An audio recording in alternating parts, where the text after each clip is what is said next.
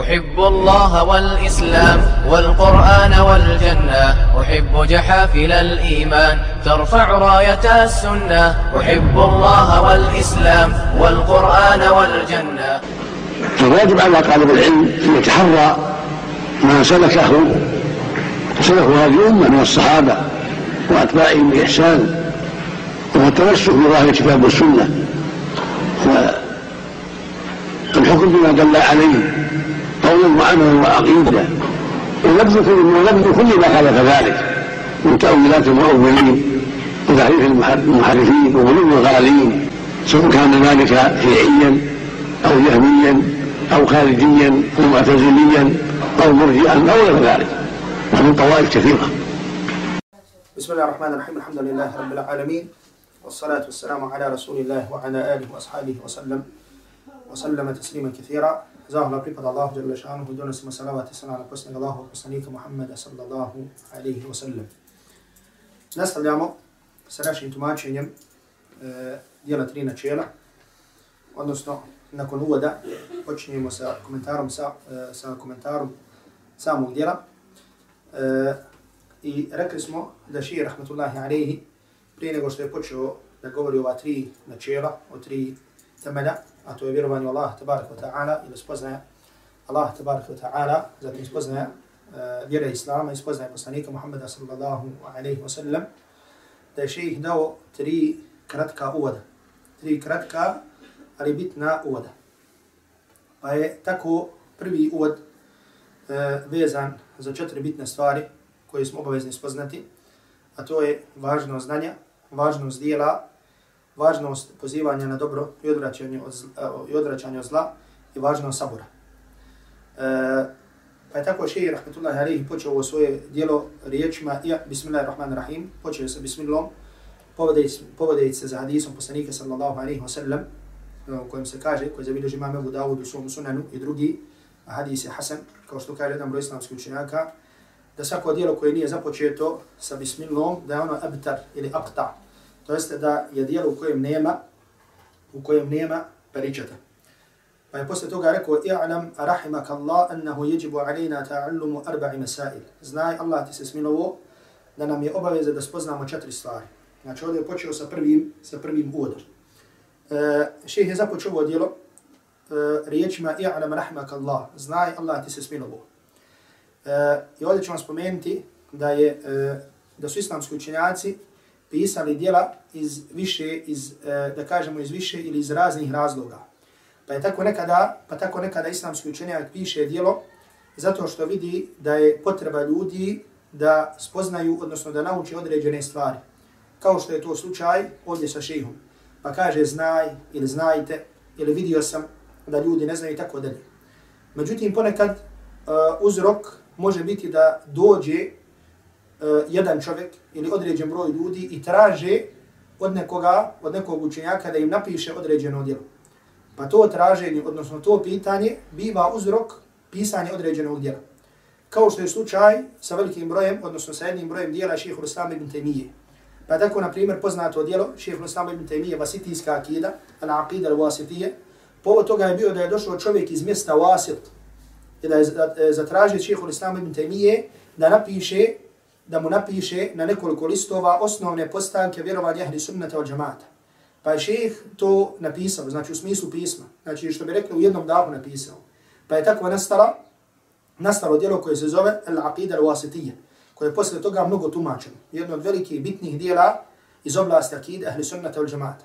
Tako isto su došli ljudi iz mjesta Hame, pa je šejh napisao poslancu koji se zove Risale Hamawije, isto tako Risale Tadmurije i tako dalje. Znači, ili mjesto gdje je napisao, ili da su ljudi došli iz određenog mjesta, ili da je došao čovjek da od njega, da, da traže od nekog alima da napiše određeno, određeno djelo. Međutim, ovdje šeh je napisao i povod njegovog pisanja, zato što je vidio da su ljudi u potrebi za onim stvarima koje će šeh spomenuti. Pa rekao, zna Allah se smilovo da smo obavezni da spoznamo četiri stvari. Znači, prvi uvod govori o četiri stvari. Pa kaže prvo, el ilm. Prva stvar je znanje. Znači, da čovjek spozna i zna bitnost zna bitnost znanja. Međutim, šta je to što je znanje? Šehe protumačio da je znanje ma'rifatu Allah wa ma'rifatu nabijihi sallallahu alaihi wa sallam wa ma'rifatu dini l'islami bil adilla. da je znanje spoznaja Allaha i spoznaja poslanika, sallallahu alaihi wa sallam, i spoznaja vjere Islama, bil adilla sa dokazima. To je, znači, sa islamskog stanovišta znanje. Iako u osnovi znanje, znači, može da obuhmata svaku korisnu stvar, bilo vezano za dunjaluk, bilo vezano za ahiret. Međutim, znači, prvo na što se misli kada se kaže u islamu znanje, znači, misli se spoznaja Allaha sa dokazima i onako kako treba da se spozna, spoznaje poslanika sallallahu alaihi wasallam sa dokazima onako, to jeste onako kako treba da se spozna i spoznaja vjere Islama sa dokazima, to jeste onako kako treba da se spozna. To je ono, da kažemo, što je prvo značenje i osnovno značenje znanja. Iako, kao što sam vam rekao, znači znanje može da znači svaka stvar koja je korisna. Znači svaka zna stvar koja je korisna. Ili čak da znači svaka informacija. I zato imamo znači znanje koje je korisno i znanje koje nije, koje nije korisno. Međutim, međutim, ovdje govorimo o znanju koje je korisno. I zatim govorimo o onom prvom na što se misli kada se kaže znanje, a to je spoznaje Allaha, spoznaje poslanika i spoznaje vjere Islama. I onda ših kaže bil adilla sa dokazima. I ovdje odmah na samom početku ših rahmetullahi alihi aludira na važnost dokaza i spoznaja stvari sa dokazima. A to je, cijenije sestre, da je ova vjera građana na dokazu. Na dokazu iz Kur'ana i sunnata Allahovog poslanika sallallahu e, na dokazu iz Kur'ana i sunnata Allahovog poslanika sallallahu sallallahu alaihi wa sallam. Znači to je ono znači na što se misli prije svega kada kažemo i kada spomenemo kada spomenemo kada spomenemo znanje kada spomenemo znanje islamski učenjaci kada govore o znanju znači spomenut vam ovdje da znanje dijele na dvije vrste znači znanje koje je fard ain i znanje koje je fard kifaje Znači znanje koje je farda ain i znanje koje je fard kifaje. Šta znači znanje koje je farda ain? Znanje koje je farda ain znači znanje koje je obaveza svakom pojedincu da ga zna. Bio muškarac, bio žena, bio ugledan, ne bio ugledan, bio rob, bio slobodan čovjek. Znači obaveza svakom muslimanu. Znači to je ono što znači, e, to je ono što znači fardain. Nešto što je obaveza svakom pojedincu. I tu ulaze stvari koje su vezane za vjerovanje. Znači, koje su vezane za akidu, koje su vezane za vjerovanje. Zatim, koje su vezane za propise koji svaki čovjek mora da, izvr da izvršava. Kao što su propisi čistoće, kao što su propisi namaza, kao što su propisi posta i tako dalje. Znači, to je ono na što mislimo kada kažemo da je fard, da je nešto fard ain. Međutim, šta je fard kifaje? Fard kifaje je ona nauka koju ili ono, e, ona nauka koju ako određen broj ljudi u jednom mjestu ima, sa drugih spada obaveza. Sa drugih spada obaveza. Ili da kažemo čovjek, e, odnosno zadovoljiti se samo s ovim. Znači, ako jedan broj ljudi poznaje, sa drugim spada obaveza. Pa, na primjer, ako je neka stvar korisna za muslimane, na primjer, proizvodnja određene stvari, gdje je korist dunjalučka za muslimane, znači, obaveza je da bude u tom mjestu neko ko će poznavati, poznavati tu stvar. Zašto? Zato što je korisna šta? Za muslimane. Međutim, kada ovdje govorimo sada o znanju, mislimo o znanju koje je farda'in, što je obaveza svakom pojedincu. Pa je tako obaveza svakog pojedinca da spozna Allaha tabaraka wa ta'ala, da spozna poslanika sallallahu alaihi wa sallam i da spozna ovu vjeru, da spozna ovu vjeru sa dokazom. Da spozna ovu vjeru sa dokazom. E, ako se vratimo na govor Sarafa, a, a sada zato nemamo vremena da puno se na tome zadržimo, vidjet ćemo, cijene sestre, kolika je važnost znanja u islamu. Kolika je važnost znanja u islamu. I to ćemo vidjeti iz prije svega kuranskih ajeta. I Allah tabaraka wa ta'ala govori o važnosti i vrijednosti znanja. I Allah tabaraka wa ta'ala kaže قُلْ هَلْ يَسْتَوِ الَّذِينَ يَعْلَمُونَ وَالَّذِينَ لَا يَعْلَمُونَ Reci, jesu listi oni koji znaju i oni koji ne znaju. Zatim gdje Allah tabarak wa ta'ala kaže innama yakhsha Allaha min ibadihi al-ulama. Allah se boje od njegovih robova učeni. To jeste koji znaju, koji su spoznali Allaha tabarak wa ta'ala. Zatim hadis poslanika sallallahu alaihi wa sallam. Zatim govor i dijelo selefa. Znači kako njihov govor, tako njihovo dijelo. Znači gdje su putova, putovali, gdje su svoje živote potrošili u potrazi za naukom. I veliki broj njihovih izreka. A od tih izreka je da su govorili da je traženje znanja i podučavanje znanja, da je bolje od bilo koje na file. I ovo želim da dobro zapamtite. Da je traženje znanja, da je traženje znanja i podučavanje znanja da je bolje od bilo koje od bilo kojeg vida na file. Pa tako se prenosi da imam Ahmed govorio. Znači da imam Ahmed rekao ta'allumu l'ilmi wa ta'alimuhu afdalu min al-jihadi wa gajrihi mimma yutatawwa'u bihi. Da imam Ahmed govorio. Kaže traženje znanja i podučavanje znanja je bolje od džihada na Allahovom putu i drugih ibadeta koji su dobrovoljni. I drugih ibadeta koji su dobrovoljni. Ovdje kada kaže džihad i kada kaže drugi, misli se na džihad koji nije obavezan, koji nije fard ain, nego koji je fard kifaje. I, znači, drugih, drugih dobrih dijela, znači, do, dijela koji nisu farz. Znači, traženje znanja je bolji od svakog vida na file. Šta je uzrok tome? Ukratko da kažem, uzrok tome je zato što čovjek kada čini na filu, znači, kori se vraća samo njemu. A kada učiš znanje koje ćeš kasnije podučiti i od koje će drugi biti koristi, znači to je korist koja se prenosi. Znači ima korist koja je samo za tebe, a ima korist koja se šta? Koja se, koja se vraća na drugog. I ovo normalno želim da ukažem, da kažem da ovo ne znači da čovjek ne treba da ima ibadete, da klanje, jer stanje Selafa je bilo da su imali i znanje ibadet. Međutim, ove, uz, ove izreke ukazuju na važno znanje. I zato ću ovdje samo spomenuti, Znači da vidimo iz naše prakse koliko smo mi danas u potrebi za traženjem znanja. Znači danas ako bi sagledali našu situaciju, ne želim ovdje sad da budem neko ko će govoriti globalno situaciji u islamskom svijetu, ne. Nego da govorimo o stanju u našoj mahali, u našoj, da kažem, u našem gradu. Ima li stvari za, ko, uh, za koju uh, stvari gdje smo u većoj potrebi za njoj, osim, osim znanja i osim širenja znanja. Znači danas da dođu da nam kažu da imamo ne znam kakve islamske centre, da imamo ovo, da imamo, ako nemamo tu ljudi koji će podučavati, koji će ljude učiti, kakve fajde je to mi? I zato stvar, znači nešto što nam je najpotrebnije, jesu osobe, jesu ljudi koji će učiti znanje i koji će druge podučavati tom znanju. Znači u najvećoj potrebi smo za studentima, da tako kažem. Međutim, ovdje ne mora biti bukvalno značenje student koji je na fakultetu. Jer na veliku žalost, na veliku žalost. Znači, ja bih volio da ovdje nisam pravo, da sam krivu. I možda će mi neko zameniti na ovom mom govoru. Međutim, većina onih koji danas, nažalost, i upišu islamske fakultete, možda upiše samo kako bi stekao diplom i kako bi kasnije imao posao. Ne kako bi naučio istinski ono što treba da tu nauči. A ovdje ne govorim ni o kome. Jer nije mala, znači ne ulazim ni uče čije.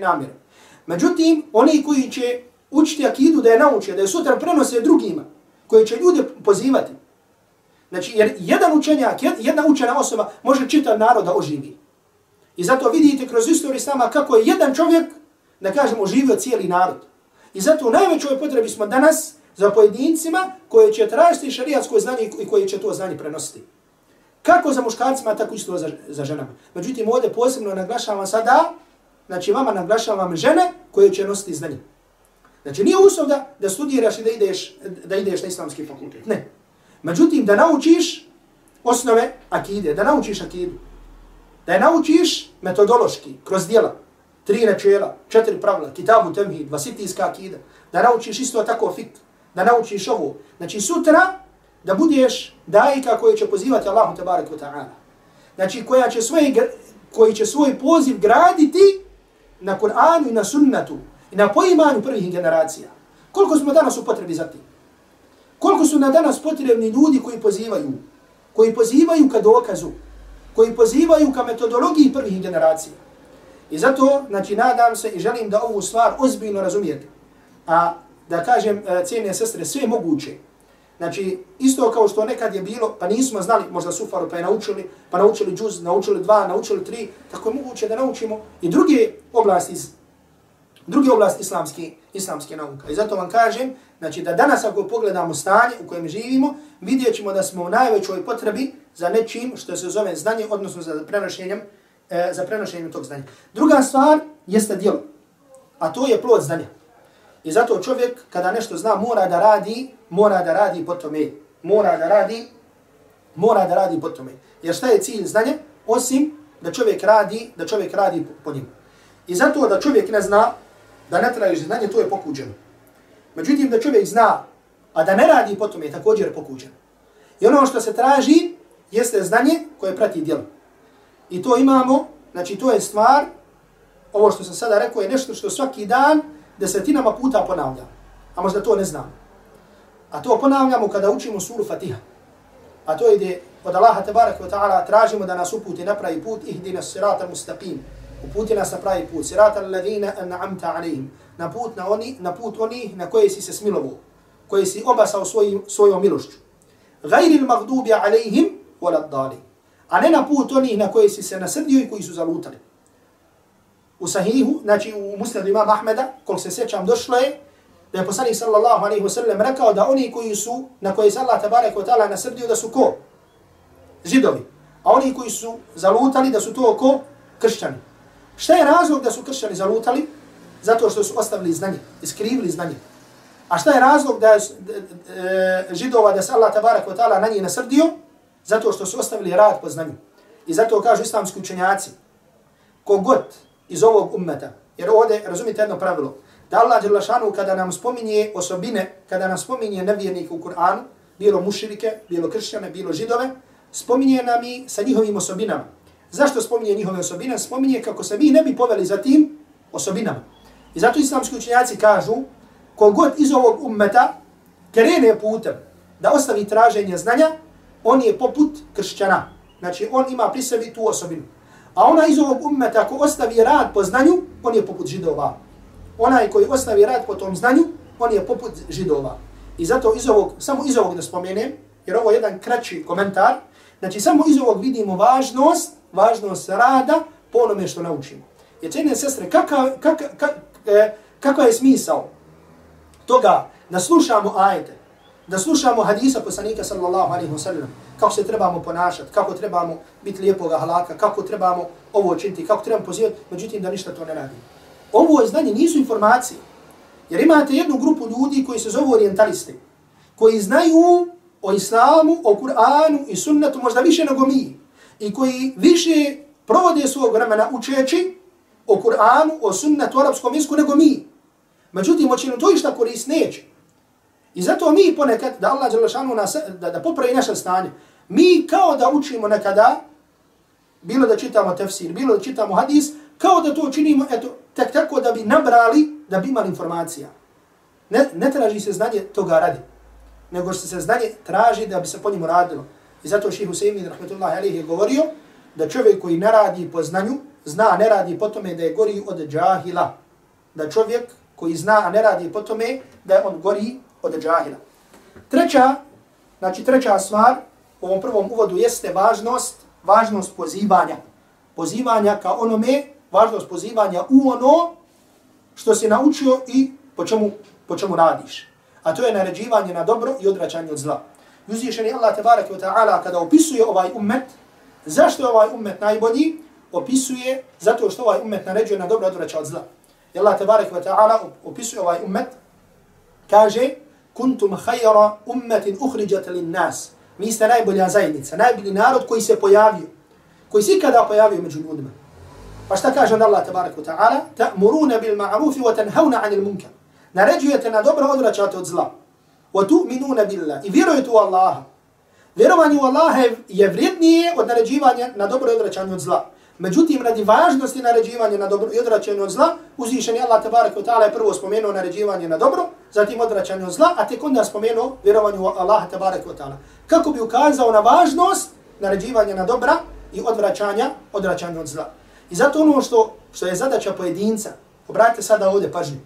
Znači ne ono što mi mislimo, što ljudi misle da je zadaća uleme, da je zadaća uh, uh, ljudi koje uh, nazivamo dajama, da je e, zadaća muallima i tako dalje, da poziva. Ne, nego je zadaća svakog muslimana. Međutim, naravno, shodno njegovom znanju. I čovjek poziva shodno onoliko koliko ima znanja. Ulema naravno je tu najodgovornija, zato što najviše poznaje. Međutim, postoji stvar u kojoj svaki čovjek može da poziva. Znači, svak od nas može da drugom govori o važnosti namaza. Svak drugom može da govori o važnosti tevhida, opasnosti širka. Svak od nas je u stanju da poziva svoju porodicu. Sad kod nas je u stanju da zovne svoju prijateljicu, svoju sestru, ne znam koga, na predavanje da nauči. Znači, to su stvari koje smo u stanju. Da pošalješ poruku koji će biti neki ajet, koji će biti neki hadis, neka islamska izreka. Da pošalješ e, mail, da pošalješ... Znači, poslije stvari koje smo svi u mogućnosti da činimo. I to je ono što je odlika sljedbenika Muhammeda sallallahu alaihi wa sallam. A to je pozivanje na dobro i odračanje, odračanje od zla. I četvrta stvar, u ovom prvom uvodu, a to je važno sabura. A to je bitno sabura. A to je strpljenje. I o tome smo govorili prošli put. Znači, rekli smo da sabur jezički znači gora kukus i rekli smo da terminološki znači sustezanje duše od prohtjeva. Bilo da se radilo o naredbama ili zabranama ili na onome što nam zadesi od Allahu tabaraka wa ta'ala kadara. Znači, to je podjela sabura. I o tome smo govorili i s, s obzirom da smo govorili, znači to nećemo, to nećemo ponavljati. Međutim, ono što opet želim ovdje da ukažem, a to je cijene sestre, što ni jedne od ove prethodne stvari nema bez sabura. Pa čovjek kada kaže vjeru u Allaha, biva iskušan. Čovjek kada počne da nešto čini, biva iskušan. Pogotovo kada počneš pozivati. Najviše su iskušani oni koji pozivaju, koji počnu da djeluju. Znači, čim u svojoj kući počneš govoriti, znači odmah ćeš biti iskušana. I to je od znakova Allahove tabaraka wa ta'ala ljubavi prema tebi. Jer E, što je došlo u velikom broju hadisa, da Allah tabaraka wa ta'ala kada zavoli nekoga iskuša ga. I nikada ne znaš šta ti je Allah tabaraka wa ta'ala pripremio, koliko nagradu u tom iskušenju i šta ti je posle toga spremio od hajra. I zato je došlo, kao što je zabilježi imam Tirmizi u svom sunanu, hadis je Hasan, da Allah poslanih sallallahu alaihi wa sallam kaže, Iza ahabba Allahu qawman ibtalahu. Kaže, kada Allah zavoli narod, on ih iskuša. Kada Allah zavoli narod, on ih iskuša. Znači, kad zavoli nekoga, Allah tabaraka wa ta'ala ga iskuša. Pa tako nijedne od ovih prijetornih stvari nema bez sabura. I nakon što je šeji spomenuo ove četiri stvari, a to je ilm, zatim al-amalu bihi, rad potom je da'vatu ilaihi, pozivanju to, was sabru ala al-adha, i kaže strpljenje na nedaćama. Jer kao što znamo, kao što sam rekao, ko krene tim putem, on će biti iskušan. I zato pogledajte put poslanika, salavatullahi wa salamuhu alaihim, znači koliko su bili iskušavani, koliko su poslanici bili iskušavani. I zato kaže poslanik sallallahu alaihi wa sallam, da, da ljudi koji su najviše iskušavani, da su poslanici, a zatim oni koji slijede, a zatim oni koji slijede. I onda je ših ovo, znači ovaj prvi uvod završio sa dokazom za ove četiri stvari. A to je sura Wal Asr. Znači mala, a velika sura. Znači kratka sura koja ima veliko značenje. A to je da Allah tabaraka ta'ala kaže Wal Asri, inna l'insana lafi khusr. Kaže tako mi vremena. Uzvišan je Allah tabaraka ta'ala se kunem vremenu. I onim što je bilo i što će biti. I događajima. Allah tabaraka ta'ala ima pravo da se zaklinje sa čim on hoće. I sa kim on hoće. A njegova stvorenja se zaklinju samo Allahum tabaraka ta'ala kao što ćemo pojasniti. Allah dželle šanu kaže Wal Asr. Inna l'insana lafi khusr. U istinu je čovjek na gubitku. I ovaj ajet Inna l'insana lafi khusr ovdje dolazi potvrda u arabskom jeziku sa dvije stvari. Prvo sa česticom inna, u istinu, i drugo je sa le, le, lefi husr, sa česticom la. Što znači, zaista je, uistinu je čovjek na gubitku. Illa alladhina amanu. Osim, pa se onda spominju ove četiri osobine koje smo govorili, osim oni koji vjeruju. A vjerovanja nema bez znanja. Wa amilu salihat, i koji čine dobra djela. Wa tawasav bil haq, jedni drugima preporuču istinu a to je naređivanje na dobro, odračanje od zla. Wa tawasav bis sabri, koji jedni drugima preporučuju strpljenje. Pa kažu islamski učenjaci, kažu komentatori, kao da Allah Đelešanuhu kaže da je osnova, znači iz, ovog, iz, iz ove kuranske sure možemo vidjeti, da nam Allah Đelešanuhu kaže i da nas obavještava da je u osnovi svaki čovjek i svaka grupa i svaka zajednica na gubitku. U osnovi je svaki čovjek na gubitku. Šta znači na gubitku? Na gubitku, na dunjalku i na ahiretu. Znači, na gubitku je na dunjalku i na gubitku je na ahiretu. Osim oni koji se okite sa ove četiri osobine, a to je vjerovanje, koje dolazi sa znanjem i dobrim djelima, i pozivanjem u dobro, i saburom, koji se okite sa saburom. Sa ove četiri stvari koje se okiti, znači on je izuzet od ovog gubitka, za koje se, gdje se Allah tabarak wa ta'ala zakleo da je svaki čovjek na gubitku. I onda poslije toga je ših rahmetullahi alihi naveo govor imama Šafije, Muhammad ibn Idrisa Šafija je poznatog islamskog učenjaka, komuno 204. godine po hijri, imam Šafija kaže, لو ما أنزل الله حجة على خلقه إلا هذه السورة لكفتهم Kaže da Allah jalla šanu nije objavio dokaz proti svojih stvarenja, osim ove sure, bilo bi im dovoljno. Znači kaže imam Šafija, poznati učenjak Selefa, kao što rekao umno 204. godine po Hidžri, da Allah jalla šanu nije objavio dokaz proti svojih stvarenja, osim ovu kuransku suru bilo bi im, bilo bi im dovoljno. I onda posle toga je imam, eh, uh, posle toga je šir, rahmatullahi alihi, nameo izreku imama Buharije, odnosno govori imama Buhari u svom sahihu, Muhammed ibn Ismail al-Buhari, umro e, 256. godine po Hidžri, znači Muhammed ibn Ismail al-Bukhari umro 256. godine po Hidžri, e, iz, znači, naveo njegov govor iz njegovog sahiha, pisac poznatog sahiha, znači sahiha imama Buharije, znači gdje imam e, Buhari govori o važnosti znanja. Pa je imam Bukhari naveo poglavlje, kaže bab, poglavlje el-ilmu qabala al-qawli wal-amali. Kaže poglavlje da je znanje prije govora i dijela. والدليل قوله تعالى دوك استمي سورية الله تبارك وتعالى فاعلم أنه لا إله إلا الله واستغفر لذنبك Znaj da nema drugog božanstva sem Allaha i traži oprost za svoj grih. Pa kaže fa bada bil ilmi qabla al qawli wala amali. Pa Allah dželle šanu počeo sa znanjem prije govora i djela. To jest Allah dželle naređuje svom poslaniku sallallahu alaihi ve sellem i kaže mu znaj. Znači ne kaže mu reci, nego znaj. Znači što la ilaha illallah mora da dođe sa znanjem da znaš šta znači la ilaha illallah. Jer la ilaha illallah nisu znači samo riječi koje izgovaraš. I zato počinje ovaj kuranski ajet znaj. Znaj la ilaha illallah. Znaj da nema drugog božanstva sam Allah tabarek wa ta'ala. Ovaj ajet upućuje na važno znanja.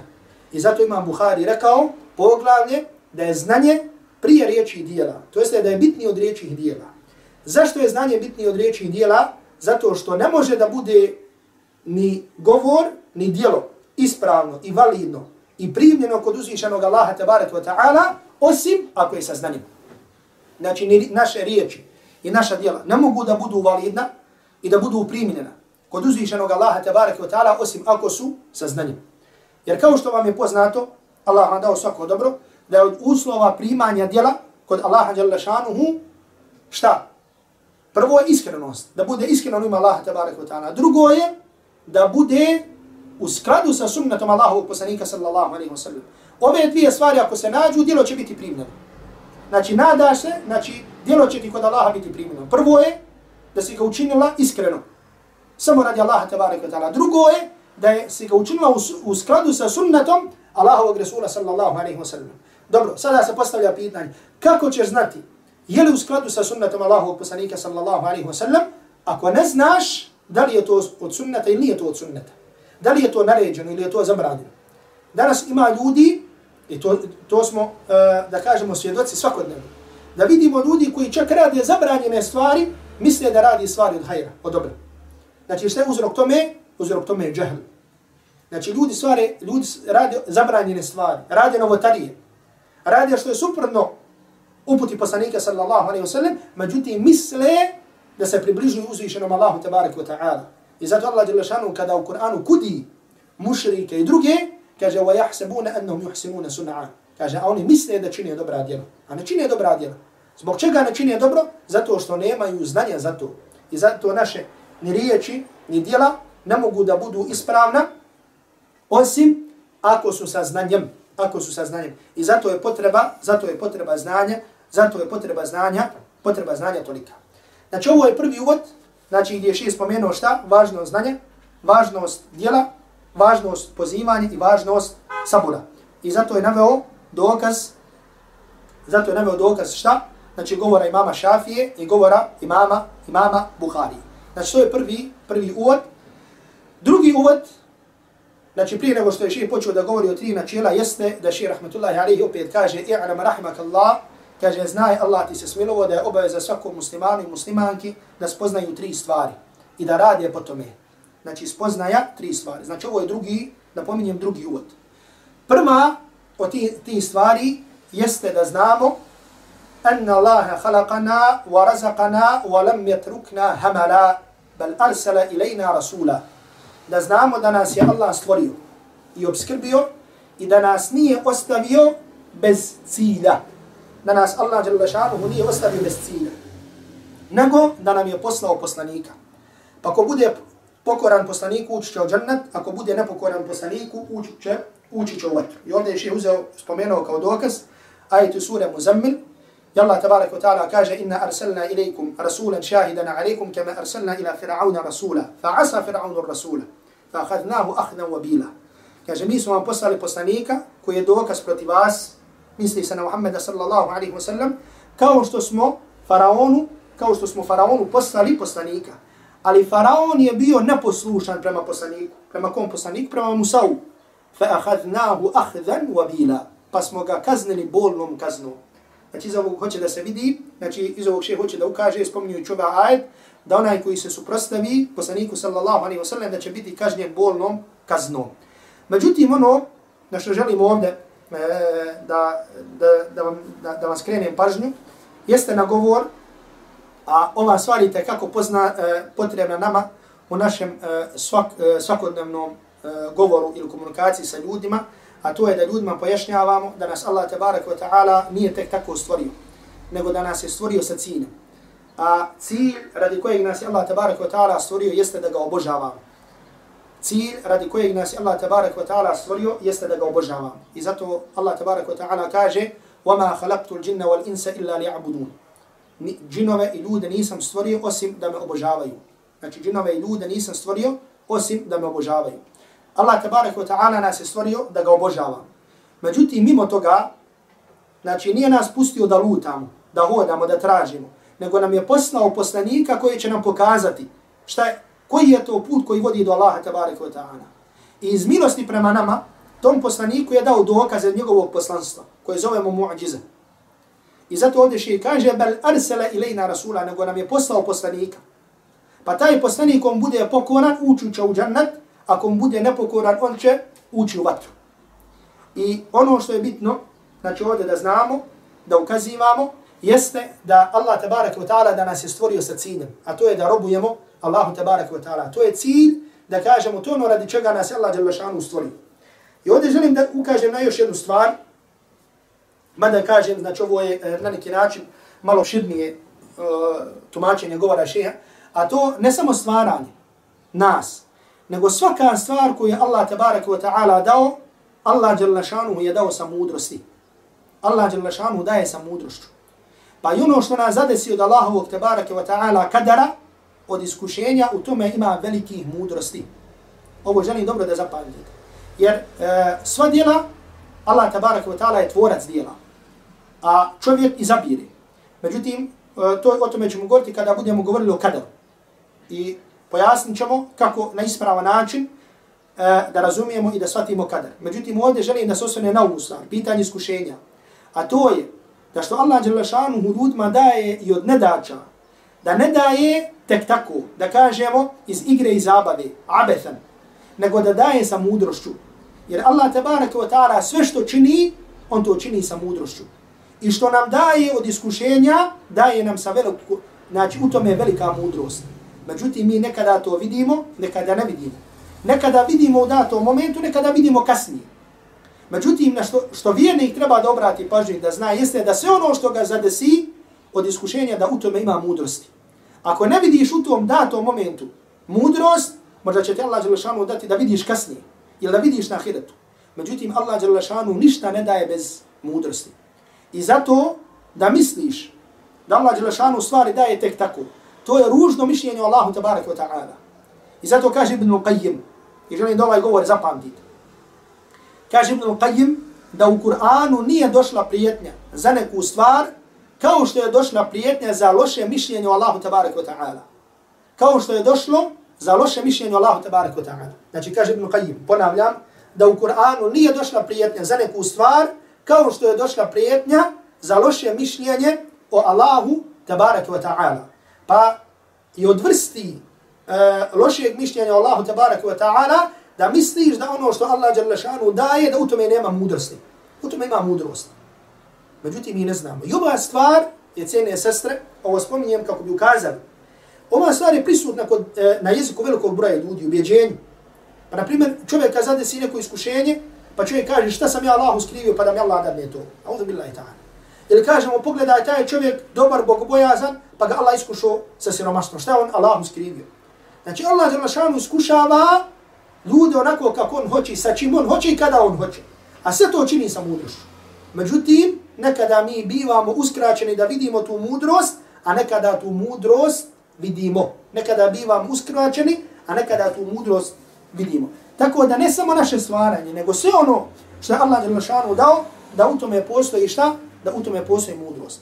Zatim druga stvar, od tri stvari u ovom drugom uvodu, jeste da pisac kaže da znaš أن الله لا يرضى أن يشرك معه أحد في عبادته لا ملك مقرب ولا نبي مرسل I kaže da znaš da Allah nije zadovoljan da mu se čini širk u ibadetu.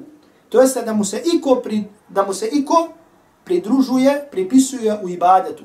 Niti njemu blizak melek, niti poslan poslanik. To jeste kada je u pitanju ibadet, a to ćemo pojasniti e, kasnije šta znači ibadet, šta, šta, šta je temhid, šta je širk.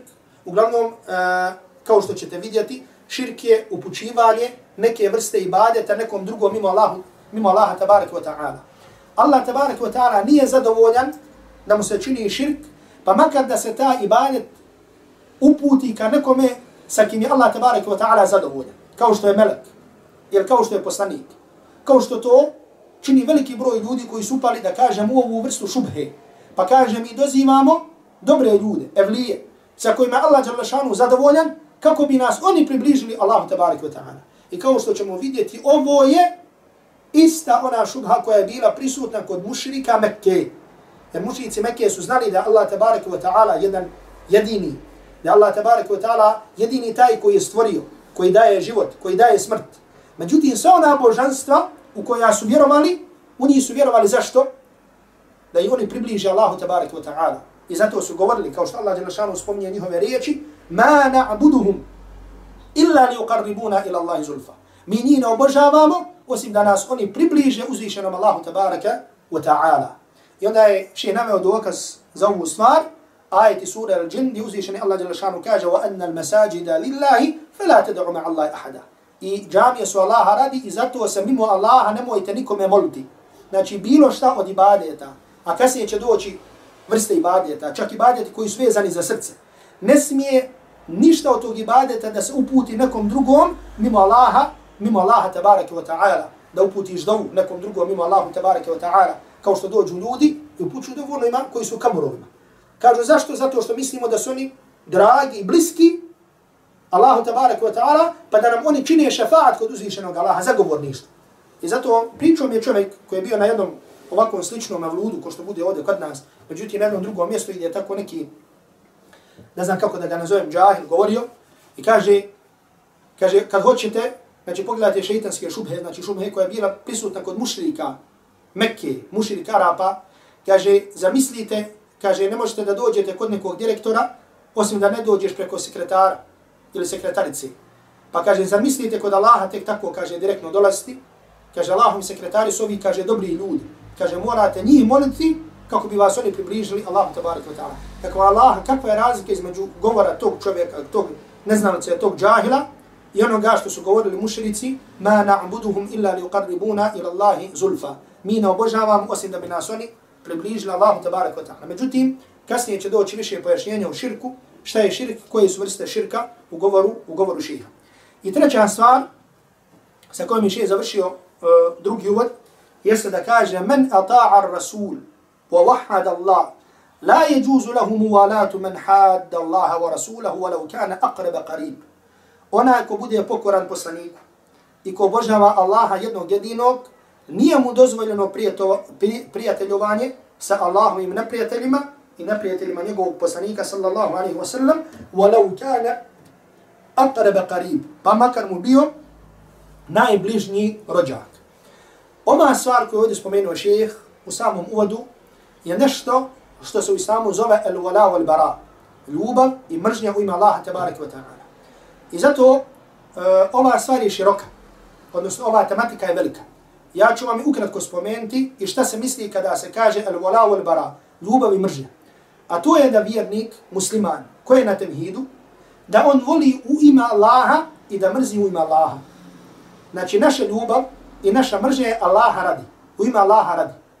Znači, ako mrziš nekoga, mrziš ga Allaha radi. Šta znači mrziš ga Allaha radi? Znači, ne mrziš ga zato što on te ite nacionalnosti, niti zato što on odatle, niti zato što on te ite boje kože, nego ga mrziš radi njegovih dijela, radi kufra ili širka na kojem se on nalazi. Što znači, ako nestane te osobine kod njega, znači ti prestaješ da ga mrziš, nego postaje tvoj brat u Allahu i tabarake u ta'ala vjeru. Tako isto, ti ne voliš neku osobu zato što je on iz tvojeg plemena, iz tvoje rodbine, iz tvojeg naroda, iz tvojeg mjesta. nego ga voliš radi njegovog djela, radi njegovog vjerovanja uzvišenog Allaha tabaraka wa ta'ala. Znači to znači u osnovi ljubav i mržnja u ima Allaha tabaraka wa ta'ala. I ovaj princip u islamu, radi ovog principu u islamu, cijene sestre, dolazi veliki broj propisa. I zato sam vam rekao da je ovo stvar koja je široka. Znači ljubav i mržnja je nešto znači, o čemu bi mogli da govorimo predavanje i predavanje. Međutim, ovdje je še ukratko ukazao na to. A to je, znači da kada voliš, voliš u ime Allaha, kada mrziš, mrziš u ime Allaha tabarake, u ime Allaha tabarake wa ta'ala. Znači radi dijela, radi kufra ili širka, ili s druge strane radi imana i dobrih, i dobrih dijela. I radi ove stvari u islamu imamo, da kažemo, veliki broj propisa koji se temelje na ovom principu. Pa tako, na primjer, od tih propisa jeste zabrana oponašanja nevjernika. Zabrana oponašanja nevjernika. Znači, ne da kažemo da činimo njihova djela na udu ta'ala, nego zabrana njihovog oponašanja. Ili, s druge strane, naredba da se razlikujemo od njih. Znači, zabrana oponašanja nevjernika i naredba da se razlikujemo od njih. Znači, to s druge strane ne znači da, kao što vam je poznato, da e, oni koji nisu muslimani, tačni ahlul kitab, da imaju određene povlastice. A to je, na primjer, da je dozvoljeno da jedemo njihovo meso. Da je muslimanu dozvoljeno da žene i žene koje su kršćanke ili židovke. Znači to, znači to su propisi koji, koji postoje. Međutim, s druge strane, kada je u pitanju njihova vjera, i nehvaljenje njihove vjere, ili ponašanje njih u njihovim običajima, to je stvar koja nam je šta? Koja nam je zabranjena. Koja nam je zabranjena. I zato, radi ovog principa, znači, nailazimo na propise kao što su, znači zabrano ponašanje na vjernika, zatim naredba da se razlikujemo od nevjernika, zatim zabrana uh, da učestvujemo u njihovim praznicima, zabrana da, da im čestitamo njihove praznike i tako dalje i tako dalje. Međutim, osnova ovoga, kao što sam rekao, jeste ljubav u ima Allaha tabaraka wa ta'ala i mržnja u ima Allaha tabaraka wa ta'ala koja, je, koja se opet gradi, koja je vezana za dijela koje se nalaze pri, pri određenim osobama. Ovdje želim tako da, također da napomenem jednu stvari da kažem, a to je da u ovu ljubav, u ljubav u ima Allaha tabaraka wa ta'ala i mržnju u ima Allaha tabaraka wa ta'ala, znači al-wala wal bara, znači uh, jedan princip koji je po konsenzusu islamskih učenjaka, da ovu stvar također ulaze i osobe koje se zovu novotari. Da ulaze osobe koje se zovu novotari. To jeste koji uvode u Allahu tabaraka wa ta'ala vjeru ono što nije koji iskrivljuju sunnet Allahovog poslanika sallallahu alaihi, alaihi wa sallam. Pa tako, znači imamo znači, veliki broj propisa, veliki broj izreka selefa koji se gradi, odnosno i koji govori o odnosu prema novotaru. A to je da se novotar bojkotuje, da se od novotara ne uzima znanje, da se na novotara, novotara ukaziva i tako dalje. Međutim, ova stvar se opet dijeli na dvije vrste. Na novotari novotar ili novotarije koje izvodi iz vjere i novotar i novotarija koje ne izvodi iz vjere. Kada u pitanju novotar i novotarija koje ne izvodi iz vjere, onda se prema njemu ponaša shodno o, u čemu je ili šta je veća korist. Ako želi da ga pridobiješ, da mu pojasniš sunnet, u tom slučaju ćeš biti blag prema njemu i lijepo ćeš ga i blago pozivati. Međutim, ako je, se radi osobi koja širi novotariju, kojem je pojašnjeno pojašnjen sunnet i pojašnjeno mu lijepo, međutim ustaraje na svojoj novotariji širi, onda, ne, onda nema sumnje da se na određen način ta osoba, ta osoba bojkotuje. Međutim, ono što želim sada ovdje da kažem i da ukažem, jer mislim da veliki broj ljudi ovu stvar pogrešno razumiju, a to je da ukazivanje na novotarije i na odstupanja od vjerovanja ahli sunnata val džemata je obaveza po koncenzusu islamskih učenjaka. Znači ovdje da kažemo, znači bilo da se radi ukazivanje na djela i da kažemo da je to osnova. Ili da kažemo na osobe koje u to pozivaju i koje su poznate u pozivanju u tome. I na primjer danas se dešava, ako odgovoriš na neku osobu koja poziva neku novatariju, kaže zašto govoriš protiv muslimana? Zašto gibetiš muslimana? To nije gibet muslimana. To nije govor protiv muslimana, to je govor o djelu. Ja ukazivam na djelu. Ja kada ukažem na određenu osobu koja poziva ka određenom novotariji, ja ne činim to zato što se on zove Haso ili Huso, nego zato što on poziva ka toj stvari. I zato što je ta stvar štetna po islamu muslimane. Također kada ukazivam na, na, na, određene, na određene stvari, znači ukazivam, ukazivam radi tih stvari. I ovo je jedan od velikih temelja i postavki učenja ahli sunnata wal džamata, koji su spomenuli skoro svi učenjaci koji su pisali iz oblasti, iz oblasti akide. Međutim, na veliku žalost ova stvar danas nije dovoljno, e, da kažemo, dovoljno se ne razumije. I zato imamo toliki broj novotarija i devijacija koji se pojavljuju, međutim, na koji malo ko ukazuje. Kaže, zašto? Nemoj, nemoj kaže, dijeliti, nemoj dijeliti muslimane. Nemoj govoriti o šijama, o rafidijama, napravit ćeš podijel muslimana. Nemoj govoriti i ukazivati na one koji pozivaju da se doziva neko drugi mimo Allaha tabarak wa ta'ala. Nemoj govoriti protiv onima koji pozivaju veliki širk. Znači, današnje, na primjer, e, današnje šiitske organizacije kod nas pozivaju veliki širk. I zato ste vidjeli, ili možda imali priliku da vidite, e, fondacije Mulla Sadra i druge, koji su bili upitani da li ima zapreke da čovjek doziva Hazreti Fatimu ili Hazreti ovu, kao što nema zapreke. Nema zapreke, kao ona je bliska Allahu. Znači poziva, pozivate u veliki širk. I sada ako ukazivaš na takvu stvar, ili na osobi ili na organizaciji, ti praviš podjel muslimana. Znači šta hoćemo jedinstvo muslimana, gdje ima oni koji obožavaju Allaha jednog jedinog, i oni koji čine seđu kamburu, i oni koji dozivaju Aliju, i oni koji kažu da je... Znači, ne. I zato imam Ahmed, rahmetullahi alaihi, kada je upitan, znači, e, kao što je prenio šehhul Islam ibn Taymiyyah u svojim fetvama, je li bolje čovjeku da klanja, da posti, da bude u itikafu, ili da ukaziva na novotare, pa imam Ahmed odgovorio, kaže, bolje mi je i draže mi je i bolje da ukaziva na novotare, nego da klanja i da posti da bude u itikafu. To jeste zašto? Zato što je od ukazivanje, zato što je ukazivanje na novotare i na novotarije, zato što u tome velik, šta? Zato što u tome velika korist za, islam, za islamske mase općenito. I zato se prenosi od Jahe ibn Jahije, od šije, jedan od šijehova imama muslima, od velikih učenjaka iz generacije Selefa, da je govorio, onaj koji odgovara novotarima je bolji od muđahida na Allahovom putu. Onaj koji odgovara novotarima je bolji od muđahida na Allahovom putu. Zašto? Zato što muđahid na Allahovom putu, bez, ovo se treba razumjeti, znači bez, da kažemo, omalovažavanja muđahida. Međutim, općento kad je džihad, znači u džihadu mogu da učestvuju ljudi koji znaju i koji ne znaju, da kažemo vjeru koji znaju, jel, znači i obični i učeni svijet može da učestvuje. Međutim, novotarama može da odgovara samo ko? Znači, samo osobe koje su učene. Samo osobe koje su učene. I zato je u govoru Selefa došlo da oni koji ukazuju na novotarije, da su na stepenu muđahida na Allahovom putu. A to opet dolazi znanjem. Znanjem koje se veže za Kur'an i sunnat Allahovog Resula, sallallahu alaihi wa sallam. I zato koliko je danas tih novotarija koji su prisutni, znači, ili da kažemo, novotarija pozivanja u veliki šir, kao što je slučaj sa ovim šiitskim organizacijama. Ili da kažemo, novotarija hvaljenja takvih organizacija. Ili da kažemo nekih drugih organizacija koji također imaju toliko zabludjelih mišljenja. Znači koji kažu da e, imao sam priliku da mi tako mladi izdonese knjigu od nekakvih turskih džemata, gdje u toj knjizi piše da objeva nije prestala. Da objava i dalje dolazi, međutim da dolazi dobrim ljudima. Znači to, to je mišljenje koje, koje izlazi iz okvira vjere. Znači, objava je prestala se smrti poslanika sallallahu alaihi wa sallam. I kako danas neko može doći reći da ovome ili onome dolazi objava i tako dalje i tako dalje. I prešućivanje i neukazivanje na, na takve stvari nema sumnje da je velika greška. Prešućivanje takvih stvari nema sumnje da je velika greška. I ova stvar se vraća na princip narađivanja dobra i odraćanja od zla. Jer kao što sam vam rekao i napomenuo, znači da nije cilj govor protiv ovog ili onog čovjeka, nego je cilj ukazivanje na djelo. Cilj ukazivanje na djelo. Ovo sam ovdje samo ukazao, zato što islamski učenjaci kada govore o el-wala, o el-bara kažu da je od glavnih, da a, što se podrazumijeva po tim mjeste i ukazivanje na novotare.